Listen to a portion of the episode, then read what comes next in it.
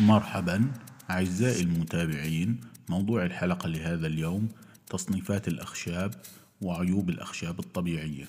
يقدمها محمد الرنتيسي حاصل على درجة الماجستير في تخصص التصميم الداخلي. نحن برعاية طهبوب تجربة منزلية مطلقة. مرحبا. آه، موضوعنا اليوم آه، تصنيفات الأخشاب والعوامل المؤثرة في عمليات التصنيف.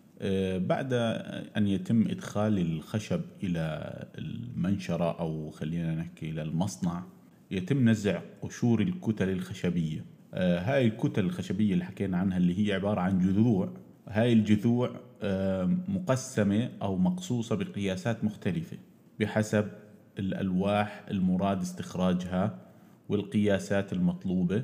يتم قطع الجذوع بالطريقة أو بالقياسات المعتمدة لعمليات التوريد والشحن. بعد أن يتم نزع آه، قشور الكتل الخشبية وتقسم إلى فئات وفقا لأقطارها. بحسب الأقطار يتم استخدام طرق مختلفة لتقطيع الأخشاب وتقسيمها لألواح بحسب القياسات المطلوبة. تنتج قطع مركز الجذوع بالعادة ال 150 ميلي في 50 ميلي وال 125 ميلي في 50 ميلي وال 100 ميلي في 50 مليمتر. بالعادة بنوسم كعب الخشب أو الكعب اللوح اللي بيطلع من المنشار بعدة وسومات وبعدة تصنيفات. الآن تخيلوا معي اللي هو هذا اللي بنسميه اللي بيكون مدهون باللون الأخضر أو بالأحمر على كعب الخشبة رأس الخشب. بحطوا عليه إشارات هاي الإشارات بتدل على التصنيفات التالية. أول إشي على أقصى اليمين في الأعلى هاي درجة تصنيف القوة لقطعة الخشب هاي. بعدها على في المنتصف من الاتجاه العلوي مرجع وتصنيف الشركة المنتجة. التصنيف الثالث اللي هو بيجي على الشمال شهادة آه، هيئة إصدار العلامة والشعار. الأسفل من الشهادة أقصى اليسار في الأسفل. بكون المرجع القياسي وعلامات التصنيف المرئي الجهة السفلية في الوسط درجة التجفيف أقصى اليمين في الأسفل الدرجة وفئة القوة والمتانة. في حال تم قص أي قطعة من الألواح الخشبية المصنفة سابقا ونحتاج إلى إعادة تصنيفها لأن القطع أو القص يؤثر على صلابة وقدرة القطعة والميزات الخاصة بها ويبطل التصنيف القديم. خلينا نحكي عن بعض العيوب الطبيعية اللي بتكون موجودة في الأخشاب. آه، طبعا آه، في أخشاب تصنف بحسب المظاهر. يعني في المظهر الأول من حال سقوطها من المنشار يتم آه، وسمها بعدة إشارات ووسومات. ذكرنا هذا سابقا.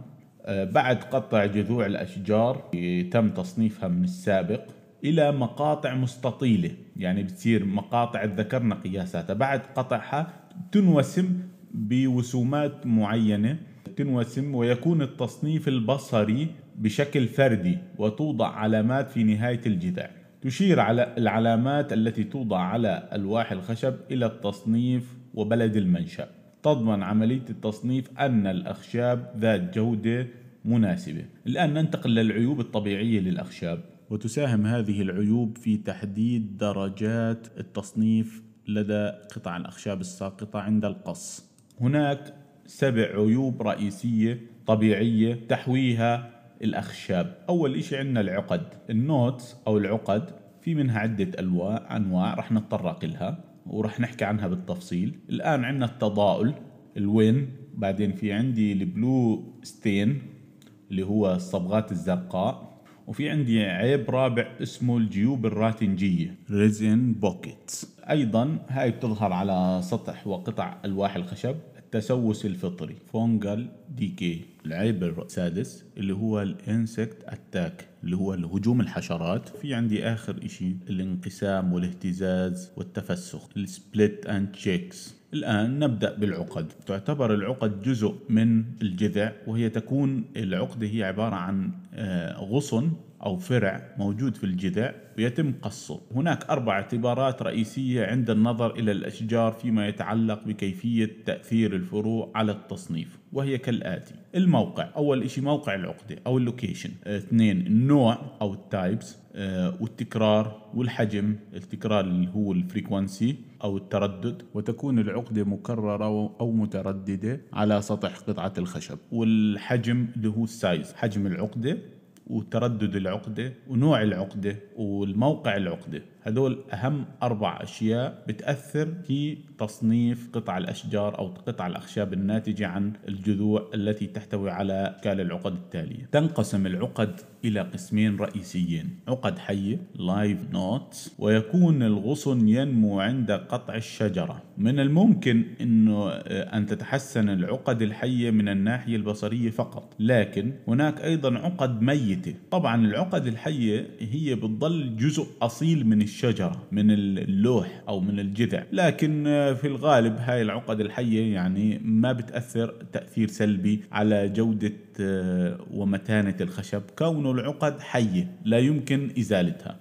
الآن عندي العقد الميتة dead or break ringed nodes ممكن أن تكون تضاءلت وذابت وتسربت تماما من الجذع. يعني بتكون انفكت متآكل حوافها فتصبح آه، معرضة لأخطار التساقط. إذا سقطت هاي العقدة الميتة آه، بتظهر فتحة كبيرة في لوح الخشب وهذا يعد عيب جوهري في الخشب. هناك عدة أنواع من العقد الميتة مثل العقد الساقطة وعقد تتصاعد أو تتباعد بوجه واحد مع حافة واحدة. وعقد الحافة الحادة وجه واحد وحافة مجاورة. عقد السطح الواحد أو الوجه الواحد. يعني هاي بتكون على السطح على سطح الخشب. العقدة الحافة الحادة مع وجه وحافة مجاورة. يعني بتكون على الوجه والحرف الوجه والجنب. طبعا هناك العقدة اللي حكيناها بالأول اللي هو عقدة تتصاعد أو تتباعد بوجه واحد وحافة واحدة. يكون شكلها غير دائري أو بيضوي إلها جوانب حادة. الآن في عندي عقد ساقطة أو مفقودة. هاي العقد الساقطة تقلل من درجة الخشب بشكل رئيسي اللي هي هاي بتكون خلص طلعت من اللوح. عقد فبتشكل فراغ. فتحة دائرية. الآن عندي عقد فضفاضة أو منكمشة.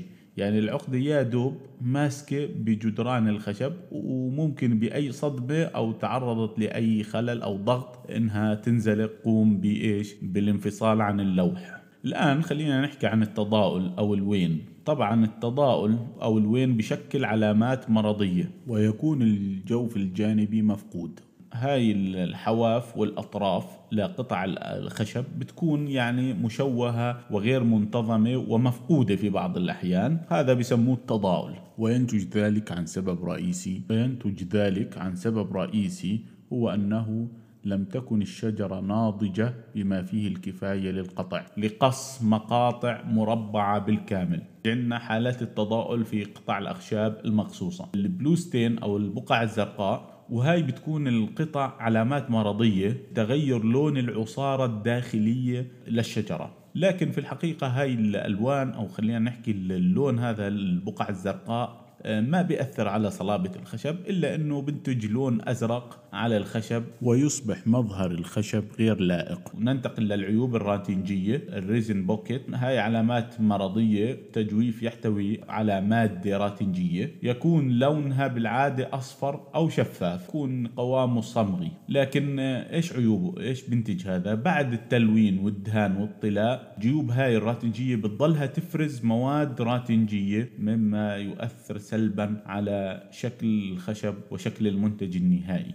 التسوس الفطري تعفن علامة مرضية يدل على تناقص القوة والوزن الخاص بالخشب المصاب. غالبا ما يلاحظ تغير في اللون والملمس. يكون السبب الرئيسي هو تحلل الأخشاب عن طريق الفطريات والكائنات الدقيقة الأخرى. إنسكت أتاك اللي هو هجوم الحشرات يظهر على قطع الأخشاب التي تعرضت للهجوم من الحشرات ثقوب أو أنفاق. ويكون السبب الرئيسي هو اليرقات والحشرات التي تتغذى على الخشب. يعني هذا هو التبرير الخاص في ظهور تلك التجاويف والأنفاق داخل الألواح الأخشاب. الآن عندي التشقق والاهتزاز والتفسخ. علامات مرضية تظهر بشكل عام على الألواح الخشبية. تظهر تفسخ في الأخشاب المجففة. سببه هو الضغط والتوتر في مسام وألياف الأخشاب. يتم هذا بالعادة أثناء عمليات التجفيف داخل الأفران.